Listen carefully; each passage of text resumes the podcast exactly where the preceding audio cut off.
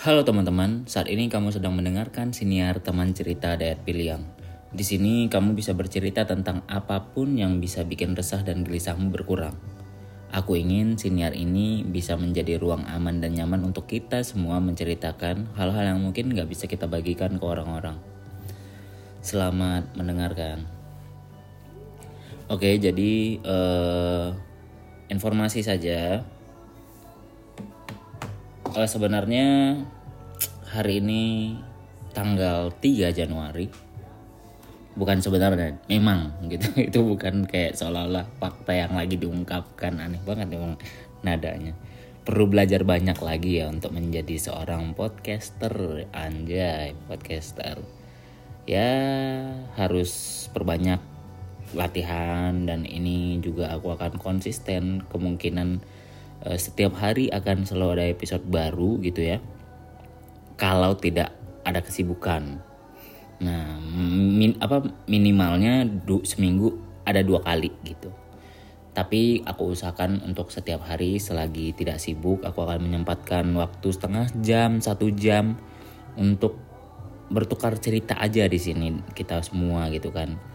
Sebelum banyak email-email cerita yang masuk gitu kan dipersiapkan aja dulu caranya gitu kan. Maksudnya latihan kebanyakan gitu kan gitu kan. Nah itu harus dihilangin sih itu. Oke jadi ya itu disclaimer aja. Ini podcast tidak perfect. E, banyak pilihan-pilihan podcast lain yang bisa kamu dengarkan. Siniar ya bahasa Indonesianya. Siniar ini tidak perfect. Masih banyak pilihan yang lain. Tapi di sini aku nggak pengen kayak yang lain. Maksudnya nggak pengen kayak targetnya macam-macam gitu nggak. Aku di bikin ini bikin sinar ini cuma pengen kita itu tempat berbagi cerita aja di sini bertukar cerita. Apa pun itu hal yang kecil-kecil sekalipun atau bisa mengirimkan email e, bang aku begini begini begini begini gitu. Dah gitu minta doanya atau apa kayak gitulah. Nggak mesti yang harus cerita serius gitu yang penting semua akan dibacakan. Kayak kemarin kan aku di episode sebelumnya ngebacain reaksi uh, question dari Instagram. Instagram channel sih gitu. Nah itu dia. Jadi uh, kemungkinan setiap hari seperti biasa aku bingung mau ngomong apa nih. Dan hari ini kalau cerita dari aku kayaknya apa ya? Oh iya. Tadi kan beli makan keluar ya kan? Terus mau nyebrang nih kan pakai motor. Mau nyebrang karena dia uh, seberang seberangan gangnya. Terus ada orang ngebut bang padahal jalanan kecil. Maksudnya apa sih? Seburu-buru apa sih? Kenapa harus ngebut gitu loh? Di jalanan kecil gitu. Nggak bisa gitu santai aja gitu toh di depan juga ada pertigaan yang mana kalau dalam etika berkendara ya setiap menemukan persimpangan ya itu harus melambatkan kendaraannya gitu loh supaya semua sama-sama aman gitu. Kenapa sih kalau nggak buru-buru ya udah santai aja gitu? Jangan terlalu digas keras gitu loh. Karena kan itu bisa membahayakan pengguna jalan lain gitu. Dan nggak semua pengguna jalan lain uh, apa pintar dalam mengendarai atau uh, dalam ya kadang orang kan ada yang nggak peka aja dengan lingkungan gitu kan. Jadi kemungkinan besar bisa terjadi kecelakaan yang tidak diinginkan gitu loh.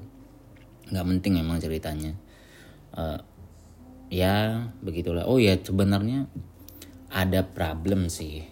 Problemnya adalah aku lagi di titik bingung walaupun bahagia ya dengan kehidupan baru ini sebagai mahasiswa tapi ada ada dilema juga satu sisi. Keuangan agak terkendala nih gitu kan. Tabungan makin lama makin menipis tapi ya itu dia. Tapi ada pilihan lainnya sebenarnya. Opsi untuk uh, mencari income gitu. Apalagi kan sempat di cancel gara-gara kemarin ngomongin pilpres di cancel dari uh, apa kerjasama ada kerjasama dengan salah satu uh, instansi pemerintah di cancel gara-gara ngomongin pilpres lah gitu. Karena kalau emang sensitif aku tidak menyalahkan si orang ini karena memang kebijakan mereka seperti itu dan mereka kan harus main aman ya dan menunjukkan netralitasnya gitu. Padahal ya aku cuma ngomongin pilpres aja gitu. Nggak masalah juga. Jadi nggak ada yang perlu dipersalahkan cuma memang belum rezeki aja. Dan itu dia yang sebenarnya menjadi dilema gitu. Apakah harus merelakan pendidikan yang baru berjalan ini dan memulai langkah awal sebagai seorang pekerja lagi tapi di suatu tempat nggak di sini nggak di Lombok. Makanya kayaknya harus merelakan pendidikan gitu. Kalau masih di Lombok oke. okay, nggak masalah gitu kan. Tapi ini harus keluar dari Pulau Lombok gitu. Tapi ya itu nanti coba aku uh, bicarakan dulu gimana baiknya. Apakah bisa uh, dipertahankan gitu. Ya begitulah. Namanya kehidupan ya. Kita harus menjalani dan kita harus punya apa harus bisa mengambil keputusan dalam hidup. Jangan apa-apa kayak aduh ini terlalu sayang untuk dilepas gitu. Tapi kita berdarah-darah nih. Kan nggak logis juga seperti itu. Ya udah relakan aja dulu nih sementara gitu kan. Yang kita apa namanya yang kita punya nih yang kita sayang banget untuk melepasnya apalagi mungkin baru uh, ya baru kita dapatkan gitu kan. Udah lepaskan aja kalau memang itu nggak realistis untuk kita pertahankan gitu fokus ke yang paling urgent. Misalnya kendalaku sekarang ekonomi yang berarti aku harus mencari income. Itu yang paling urgent untuk bertahan hidup gitu kan? Kalau mempertahankan pendidikan tapi aku malah berdarah-darah gitu kan? Malah bingung besok makan apa gitu kan? Sama aja nggak bisa fokus dalam pendidikannya gitu. Jadi harus kita harus tahu skala prioritas kita yang mana sih gitu. Apakah ber, berkuliah pendidikan. Pendidikan memang penting nggak ada yang bilang nggak penting ya. Tapi permasalahannya kan apa nih uh, untuk bertahan hidupnya gimana gitu. Itu sih jadi ya. Tapi mungkin uh, balik ke Lombok aku akan membicarakan sama beberapa orang uh, berkonsultasi gimana baiknya kalau memang tidak ada jalan keluarnya ya. Aku pilih opsi yang uh, merelakan sementara waktu perkuliahan untuk mencari penghasilan gitu. Dan tentunya podcast akan tetap aktif ya. Siniar ini akan tetap aktif gitu. Karena akan ada cerita-cerita baru karena aku mulai berani untuk mengambil keputusan membuat langkah-langkah yang bukan aku banget gitu. Yang biasanya kan aku kayak ngalir gitu kayak apa uh, ya udah gitu nggak berani membuat keputusan besar. Main selalu main aman gitu. Makanya aku nggak punya cerita cerita cerita baru gitu. Tapi sekarang kan udah mulai ke Lombok kuliah itu kan keputusan keputusan yang ya bukan aku banget sebenarnya. Dan orang-orang heran gitu kan karena ya itu bukan aku banget teman-temanku pada heran. Kenapa sih kuliah? Kenapa ini ini ini iseng banget gitu kan? Ya begitulah ya. Namanya juga kehidupan harus kita jalani sebagaimanapun kerasnya sebagaimanapun rumitnya sebagaimanapun sulitnya tetap harus kita jalani dan yang penting kita harus tahu skala prioritas supaya kita bisa memutuskan langkah mana yang mau kita ambil gitu. Oke, kali ini aku akan bacain email. Intronya udah kepanjangan 9 menit ya. Uh, jadi kita akan membuka email dan kita bacakan. Ada satu, cuma satu doang nih. Dan ini dikirim uh, tanggal 2 Januari kemarin berarti ini kan tanggal 3 hari Selasa tanggal 2 Januari dan ini hari Rabu tanggal 3 Januari. Oh ya posisi aku masih di Bali nih, belum balik ke Lombok. Uh, Oke, okay, mari kita bacakan. Di judul emailnya berharap pada manusia yang salah, kenapa kita selalu saja mendahului Allah? Padahal kita pun sama-sama tahu, terlalu berharap sama manusia itu memanglah tempatnya salah. Nah, ini ada masuk dari teman kita uh, dia udah membuat nama samaran sendiri sangat sangat uh, membantu sekali ya ceritanya cukup panjang ya teman-teman jadi semoga bisa disimak baik-baik lebih panjang dari cerita sebelumnya halo bang. Aku sendu nama samaran. Di sini aku mau sedikit banyak cerita dan curhat juga tentang apa yang udah aku lewatin di tahun kemarin. Semoga dibaca ya bang dan bisa dapat tanggapannya. Aku itu tipikal orang yang kalau suka sama satu hal cukup sesuatu hal itu aja yang aku perjuangin dan yang paling aku dambakan. Semuanya berawal dari aku yang secara mendadak ditunjuk sebagai ketua penitia Mukosma organisasi jurusan di tahun 2021 dan saat itu aku masih semester 3. Hmm. Di saat itu, di saat aku mengetuai kegiatan tersebut, banyak kendala-kendala yang harus aku selesaikan, Bang. Mulai dari anggaran dana yang tidak ada, izin kegiatan dari ketua jurusan yang tidak diberikan, permasalahan para senior yang paling merasa berkuasa sampai juga permasalahan dengan ketua jurusan yang membubarkan acara secara sepihak. Saat itu aku dituntut untuk menyelesaikan semua permasalahan tersebut dan satu persatu pun terselesaikan. Cuma ada satu permasalahan. Aku membuat kesepakatan untuk tidak mengundang para senior angkatan 2017 dan 2018 yang tidak pernah berpartisipasi sedikit pun di kegiatan ormawa yang kami buat sebelumnya bang. Jadi di saat itu para senior menyalahkan aku yang sebagai ketua panitia tidak bijaksana. Tapi aku melakukan itu bukan dari keinginanku sendiri bang.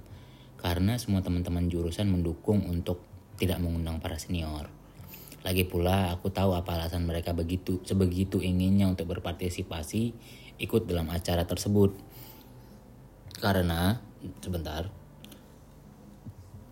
karena mereka ingin orang yang mereka calonkan sebagai ketua umum jurusan terangkat secara sah menjadi ketua dan yang sangat disayangkan mereka mengusulkan bakal calonnya secara ngasal tanpa memikirkan apa dampaknya bagi jurusan ke depannya. Dan pada kenyataannya memang jurusan menjadi himpunan yang kurang aktif pada masa jabatan ketua yang terpilih saat itu. Di saat para kakak-kakak senior asik membuat orasinya bahwa aku harus mengubah keputusanku untuk tetap mengundang mereka atau tetap dengan keputusanku itu, mereka mengancamku akan melaporkanku ke wakil dekan 3 yang katanya aku bisa di DO. Aku tetap kekeh dengan keputusanku begitupun mereka yang pada akhirnya aku sendiri yang melaporkan ke WD 3 terlebih dahulu eh ter, terlebih dulu dan diselesaikan sama beliau. Nah, dari permasalahan di awal sampai yang aku ceritakan tadi, ada satu orang yang selalu bantu aku bang awalnya kita saling eh nggak saling kenal tapi karena kami saat itu sepemikiran juga dia selalu bantu aku kalau ada masalah di kegiatan tersebut dan dia juga yang belain aku ketika aku disalahkan dan dicemooh oleh kakak-kakak senior jujur saat itu aku merasa nyaman dengan dia karena dia yang aku kenal sangat berwibawa, ramah, penyabar, dan penyayang juga. Di saat itu juga aku mulai menyimpan rasa sama dia. Sampai-sampai di pikiranku hanya ada dia. Di satu sisi aku ingin mengungkapkan perasaanku, tapi di lain sisi aku merasa gengsi. Lagi pula kami, kami baru saling kenal dan aku takut dia berpikiran aku tipikal cewek yang begitu mudah tertarik sama cowok. Dua minggu setelah kegiatan selesai, aku dapat kabar ternyata dia punya pacar dan pacarnya juga satu jurusan. Jujur saat itu aku merasa sedih tapi nggak mungkin juga aku memaksakan kehendakku terhadap orang lain yang dia saja juga nggak tahu aku menyimpan rasa sama dia. Sekitar enam bulan, aku selalu salker. Salker tuh ya? Oh, stalker. Salker semua akun sosial medianya. Dia ngepost sesuatu aku selalu tahu dan kalau di kampus aku selalu memperhatikan kalau di kampus aku selalu memperhatikan dia dari kejauhan Aku pun juga selalu memperhatikan dia dengan pacarnya dan dia juga tampak sangat begitu sayang dengan pacarnya itu bang. Malamnya aku curhat dengan temanku. Dia beda kampus denganku, jadi aku merasa aman kalau curhat dengan dia. Setelah aku ceritain semuanya, dia menasihatiku bahwa hidup itu akan terus berjalan. Memang kehidupan setiap orang berjalan sesuai dengan pilihannya masing-masing. Tapi ada, eh, tapi apa nggak terlalu menyakitkan? Menjalani kehidupan yang dipenuhi dengan harapan tanpa ada kepastian. Temanku juga nyarani aku buat bisa belajar membuka hati untuk orang baru. Tapi saat itu aku belum bisa dan belum siap. Dan pada akhirnya aku memilih untuk tidak mencari tahu tentang dia. Agar aku juga tidak terlalu merasakan sakit yang berkepanjangan. Sampailah ada satu cowok yang deketin aku bang. Sebut saja namanya Gio, nama samaran. Saat itu Gio, Gio ini tampak begitu baik dan sampai akhirnya aku memutuskan untuk membuka lembaran baru dengan Gio walaupun sebenarnya aku nggak bisa. Tapi terkadang aku merasa bersalah karena hubungan yang aku jalin dengan Gio bukanlah hal yang aku inginkan bang. Dan aku merasa ini hanyalah pelampiasan. Aku pacaran sama Gio hanya bertahan satu bulan. Itu pun aku yang memutuskan untuk mengakhiri semuanya. Aku memilih mengakhiri bukan karena aku nggak bisa move on dari cowok yang aku suka tapi karena Gio ini ternyata laki-laki yang sangat tidak baik dan bisa berpengaruh buruk terhadapku. Ternyata semua kebaikan dan perhatian itu cuma topeng buat mengelabuiku. Baru dua minggu kami pacaran dia sudah mulai, mulai memperlihatkan watak aslinya. Dia hanya menjadikanku pelampiasan nafsunya bang. Dan aku hampir dilecehkan sama Gio. Jujur aku sangat-sangat merasa takut. Kenapa di saat aku berusaha membuka hati untuk orang lain tapi malah seperti ini? Apa mungkin ini balasannya buatku bang yang menjalani uh, hubungan tapi aku saja sebenarnya tidak menerima hubungan itu. Dan setelah aku putus dari Gio aku memilih menjalani hidupku. Mulai fokus dengan kuliahku dan intinya aku lebih memilih untuk menyenangkan diri sendiri. Walaupun sebenarnya di hati selalu kusimpan rasa untuk dia. Cowok yang aku dambakan tapi aku memilih untuk memendamnya saja. Lama sudah aku tak mencari kabar tentang dia, dan aku pun berusaha menahan diri untuk tidak melakukannya. November menjadi plot twist dari kisahku bang. November menjadi perantara untuk aku bisa membuka mata selebar-lebarnya tentang dia. Saat itu aku membuat status WA tentang kata-kata penyemangat untuk diriku sendiri. Tiba-tiba dia menganggap men menanggapi status WA aku. Jujur saja bang, senangnya bukan main yang aku rasakan saat itu. Dia komen status WA aku, serius kah? Aku nggak mimpi kan? Kata-kata itu terus aku ulang dalam hati. Kami saling menanyakan kabar masing-masing. Sa sekarang kesibukannya apa dan banyak yang kami ceritakan, Bang. Sampai akhir sampai akhir sampai akhir aku aku oh sampai akhirnya aku mengetahui kalau dia sudah putus dengan pacarnya beberapa bulan yang lalu. Aku sangat senang karena aku mempunyai peluang untuk bisa mendekatinya dan benar saja percakapan kami semakin dalam. Dia pun juga ingin mengenalku lebih dekat. Kami memutuskan untuk berkom berkomitmen tanpa ada status pacaran.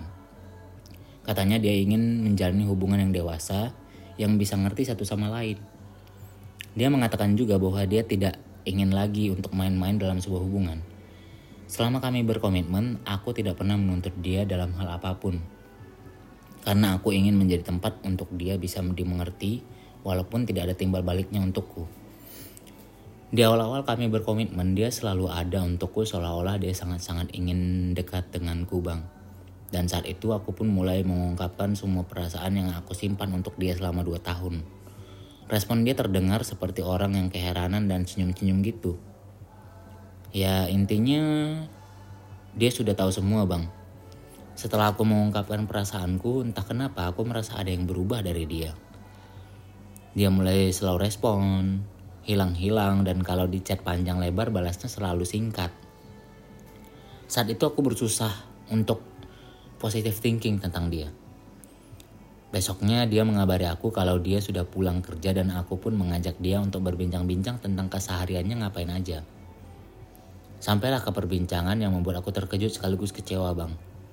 Ternyata dia sama sama saja bejatnya dengan Gio. Sama-sama ingin memuaskan nafsunya saja dengan eh, dekat denganku. Jujur aku sangat kecewa, sedih, hancur, dan aku tidak tahu harus apa. Orang yang sangat aku cintai, selama dua tahun aku menyimpan rasa untuk dia yang selalu aku dambakan, tapi kenapa dia yang malah membuatku merasakan sakit sesakit ini? Ternyata dia mendekatiku juga untuk pelampiasannya saja. Dia mendekatiku karena ada maunya. Aku memilih pergi walaupun sebetulnya sulit, tapi aku tidak mau mengorbankan harga diriku untuk kemauan seseorang yang belum jelas ditakdirkan untukku. Aku sadar, di sini aku yang salah. Karena dari awal aku yang terlalu berharap tanpa tahu sifat aslinya seperti apa. Aku yang terlalu memaksakan diri kalau aku hanya mencintai dia dan hanya dia. Sampai-sampai aku tidak menyisakan sedikit ruang kosong untuk hal lain selain dia. Setelah kisah itu berlalu, jujur aku sang, uh, aku rasakan sekarang rasanya aku mati rasa bang. Sulit rasanya untuk mempercayai mana yang tulus dan mana yang hanya sekedar memanfaatkan, memanfaatkanku saja. Rasanya sekarang terlihat sama, biasa-biasa saja. Saat ini yang hanya mendekatiku, eh saat ini ada yang mendekatiku. Tapi aku takut terulang untuk kesekian kalinya bang. Sekarang aku hanya pasrah kepada takdir membawa alur kisah hidupku ke mana. Entah plot twist dari kisah hidupku bahagia atau tidaknya akan kujalani sebisanya. Waduh.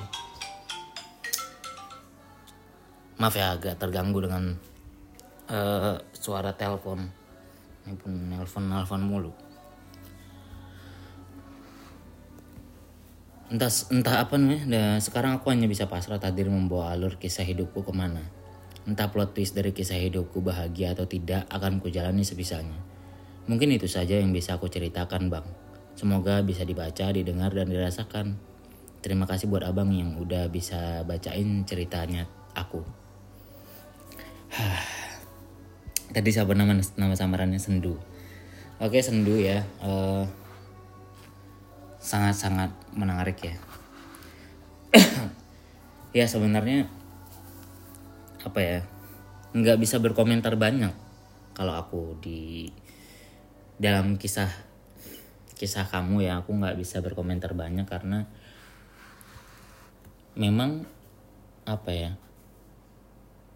mungkin bukan orang-orang ingin memanfaatkan kali ya. Tapi aku nggak tahu karena aku nggak tahu sudut pandang eh, laki-laki uh, itu ya. Itu kembali lagi aku nggak bisa menjudge uh, ini. Cuma kalau dari pandanganku ya uh, kita kita uh, kesampingkan dulu masalah agama ya walaupun agama itu penting aku bukan bukan berarti aku bilang mengenyampingkan agama berarti agama tidak penting ya permasalahannya adalah orang-orang mungkin masih terlalu tabu uh, dengan hal-hal seperti ini. Ketika kita memutuskan untuk saling berkomitmen, ya, kalau aku ya, ini pendapatku, nggak nggak mesti diikutin, aku nggak mesti apa nggak mesti kalian setuju gitu. Komitmen itu ketika komitmen apa pun statusnya, yaitu kita udah udah berpasangan. Ketika kita udah memutuskan untuk uh, kita ini apa ya udah kita pacaran. Nah itu kan komitmen ya. Pernikahan juga seperti itu. Bedanya adalah pernikahan dengan pacaran. Bedanya adalah kalau pernikahan itu uh, dibuat sahnya gitu menurut agama dan menurut pemerintah. Sedangkan pacaran enggak gitu. Nah ini sebenarnya yang mungkin orang-orang uh, banyak tahu ya. Maksudnya nggak nggak banyak mengerti. Makanya orang-orang menganggap pacaran itu untuk pengenalan, untuk main-main gitu, untuk uh, melihat menuju ke, ke apa namanya jenjang yang lebih serius. Bukan, pacaran itu udah serius gitu loh, mestinya ya, mestinya ya kayak gitu harusnya ya. Ketika kita memutuskan untuk kita ini pasangan, ya udah kita komitmen apa pun statusnya, menikah atau tidak menikah. Pacaran aja nggak bisa komitmen, apalagi menikah Kan logikanya seperti itu. Ya nggak sih? Itu dia. Jadi makanya mending pakai prinsip sendiri aja gitu. Uh, kalau misalnya mau maunya menikah gitu ya, udah udah fokus di menikah. Ketika menjalin hubungan, nggak usah pacaran, jangan gitu. Makanya jadi itu dia uh, pacaran menurutku pacaran dan menikah itu itu standarnya sama maksudnya levelnya tuh di level yang sama gitu loh. Sama-sama komitmen untuk menjalin sebuah hubungan. Makanya kalau menjalin hubungan ya harus komitmen harus menjaga hubungan itu apa pun statusnya. Mau menikah mau nggak menikah ya harus dijaga hubungan itu. Kan udah komitmen ya kan? Nah makanya kita fokus pada prinsip kita aja. Kita orang yang uh, pengen pacaran dulu atau uh, serius atau kita kita orang yang serius atau bukan gitu. Eh bukan maksudnya dua-duanya kan serius maksudnya gini kita pengen lebih ke mana nih arahnya? Menikah atau pacaran? Kalau kita pengennya menikah ya udah nggak usah pacaran. Cari yang benar-benar mau menikah sevisi misi gitu loh. Karena kan e, masalah nafsu segala macam ya namanya sebuah hubungan dan namanya kita manusia pasti nafsu itu ada gitu kan. Nggak bisa dipersalahkan juga apakah itu cuma mau begituan doang itu nggak bisa nggak belum tentu juga gitu kan. Tapi memang banyak yang seperti itu gitu. Cuma kan kita nggak bisa pematokan diri seperti itu karena dalam hubungan ya hal itu wajar gitu dalam hubungan pernikahan ya. Dan itu kan menghalalkan kalau dalam konteks agama menghalalkan hal itu ya kan. Jadi kan ada atau misalnya nggak kita tanpa agama ya itu kan akan tetap ada gitu. Makanya kita harus jelas dulu prinsip kita di mana nih.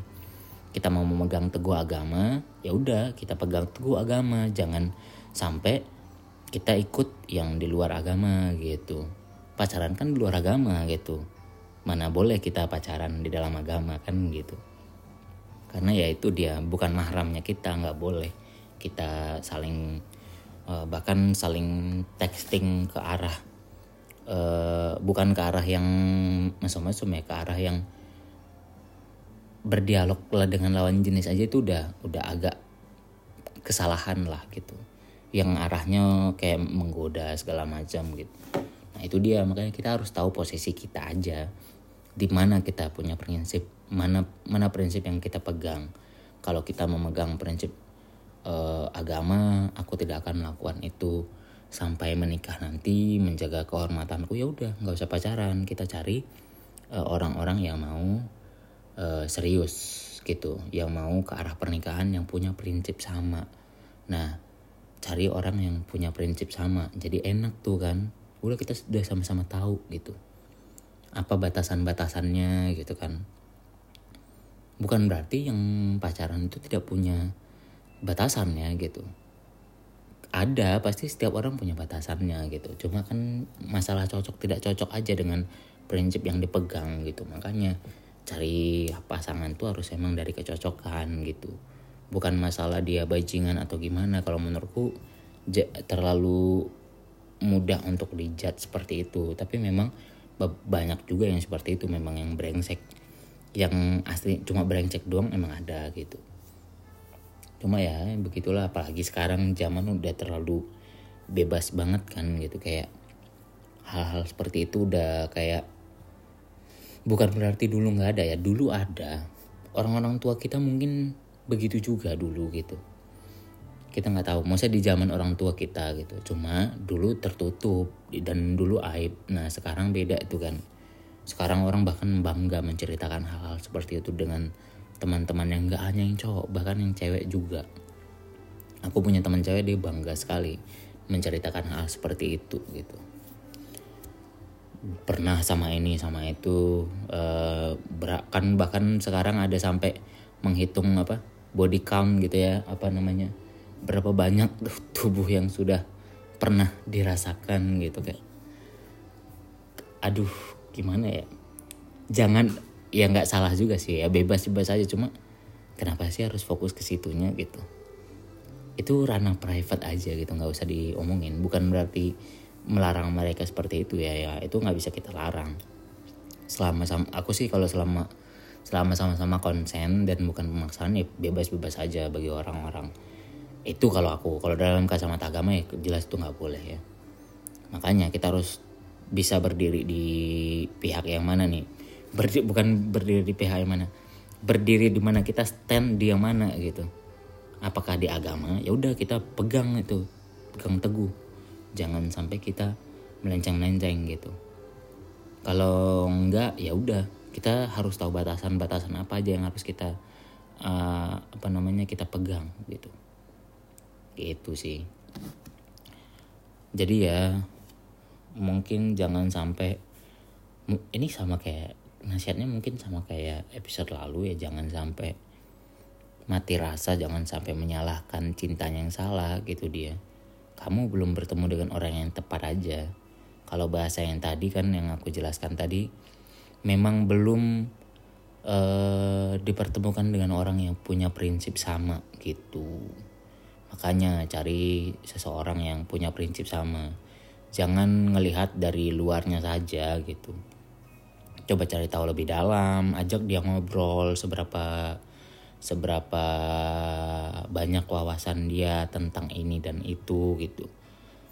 Ajak aja ngobrol tentang apa pun yang pengen kamu cerita ke apa kamu tanyakan gitu kan. Karena untuk menakar seseorang itu ya tinggal diajak ngobrol. Maksudnya paling cara paling sederhana ya ajak ngobrol gitu kan tentang topik-topik yang kamu senangi dia cocok atau enggak dengan topik itu. Kalau dia enggak cocok kan di situ berarti udah ada ketidak uh, kesamaan ada ketidaksamaan frekuensi di situ kan. Nah siap nggak kamu dengan hal seperti itu? Jadi jangan hanya melihat paras jangan hanya melihat uh, kelihatannya dia baik gitu kan. Walaupun kalaupun dia misalnya dia baik tapi ternyata ternyata kamu tidak nyambung ngobrolnya kan percuma juga kan misalnya ada politisi baik baik banget dia. Bahkan sebelum dia men mencalonkan gitu ya pejabat segala macam dia baik banget sama orang. Tapi obrolnya politik terus dan kamu tidak suka obrolan politik kan berarti nggak nyambung ya kan? Nggak ada kecocokan frekuensi di situ memang dia baik. Tapi kan nggak nggak ada kecocokan percuma juga mau dijalani. Obrolannya aja berbeda pembahasannya aja berbeda. Mau apa yang kita lakukan ketika bersama nanti kan gitu. Ngobrolin apa? Ngobrolin kaki seribu ada berapa jumlah kakinya?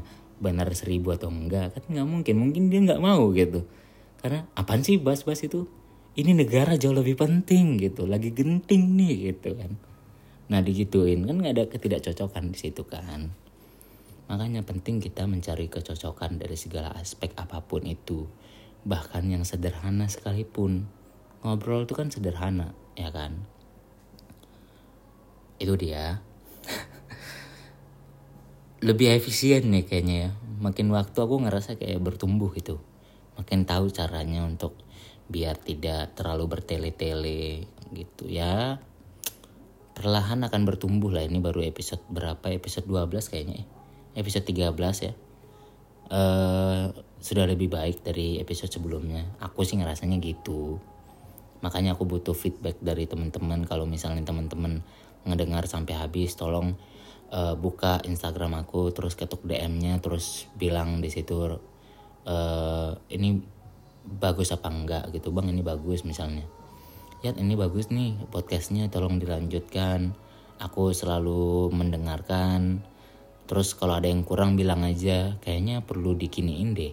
Perlu ini deh biar enak gitu. Katakan saja karena aku butuh feedback supaya ini tetap dila, uh, dilanjutkan. Ya walaupun gak ada feedback tetap dilanjutkan sih. Ini cara salah satu cara aku ngelatih konsistensi aja untuk bisa nggak aku konsisten dan persisten uh, bikin ini.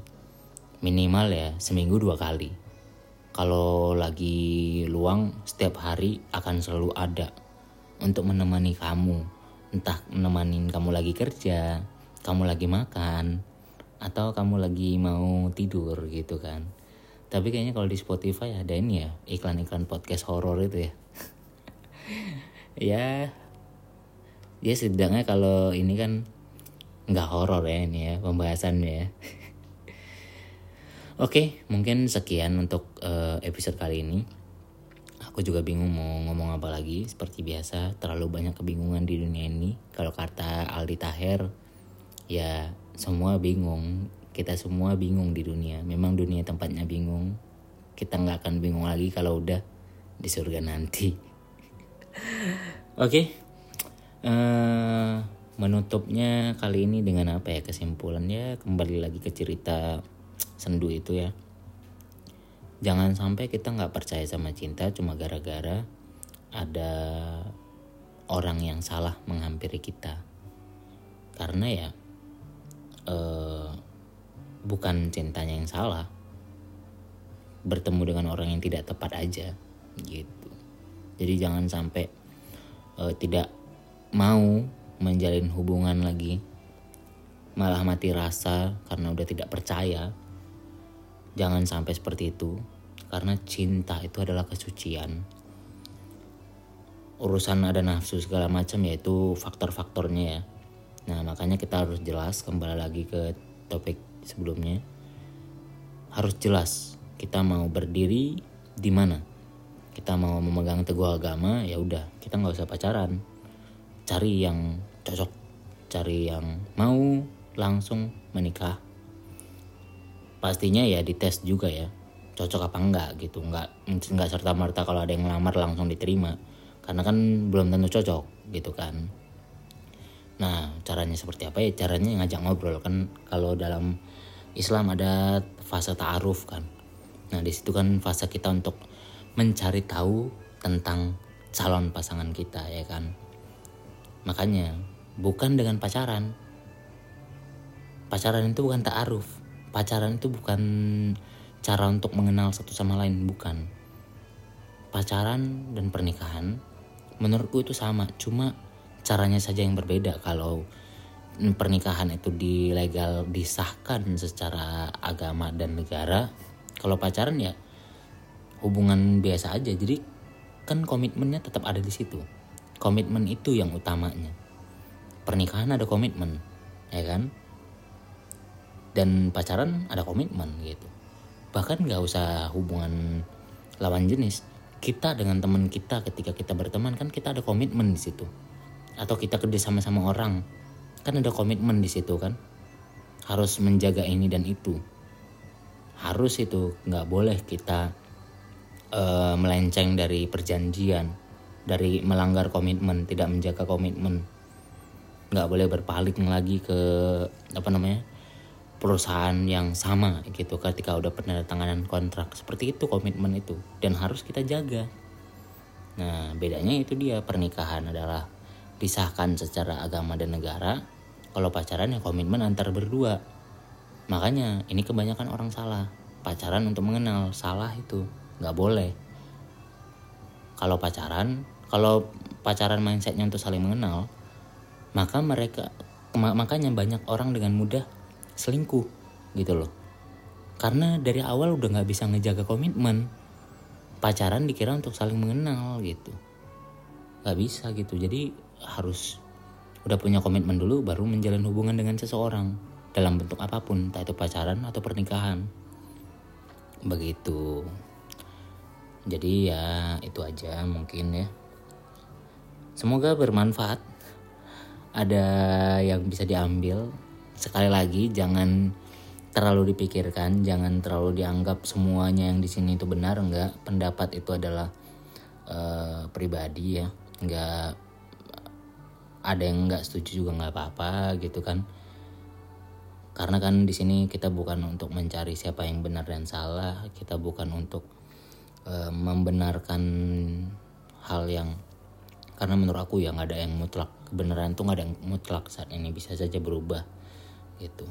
Tergantung menurut perspektif perspektifnya siapa gitu. Dan selama kita nggak saling menyalahkan ya it's okay nggak masalah kan kita menerima saja. Bukan berarti meyakini. Oke sekian saja sudah 38 menit 39 menit bahkan sekarang. Uh, semoga teman-teman bisa berjalan. Eh bisa kok bisa berjalan? Emang uh, ya semoga teman-teman yang lagi beraktivitas oh buat teman-teman yang lagi beraktivitas selamat menjalankan aktivitasnya. Buat teman-teman yang mendengarkan ini ketika lagi istirahat selamat beristirahat semoga kita semua hidup dalam kebahagiaan dan banyak hal-hal baik yang menghampiri kita amin amin ya rabbal alamin sekian dulu untuk kali ini semoga uh, Kok semoga lagi? Oh, kita tutup dengan tut. Oke. Okay.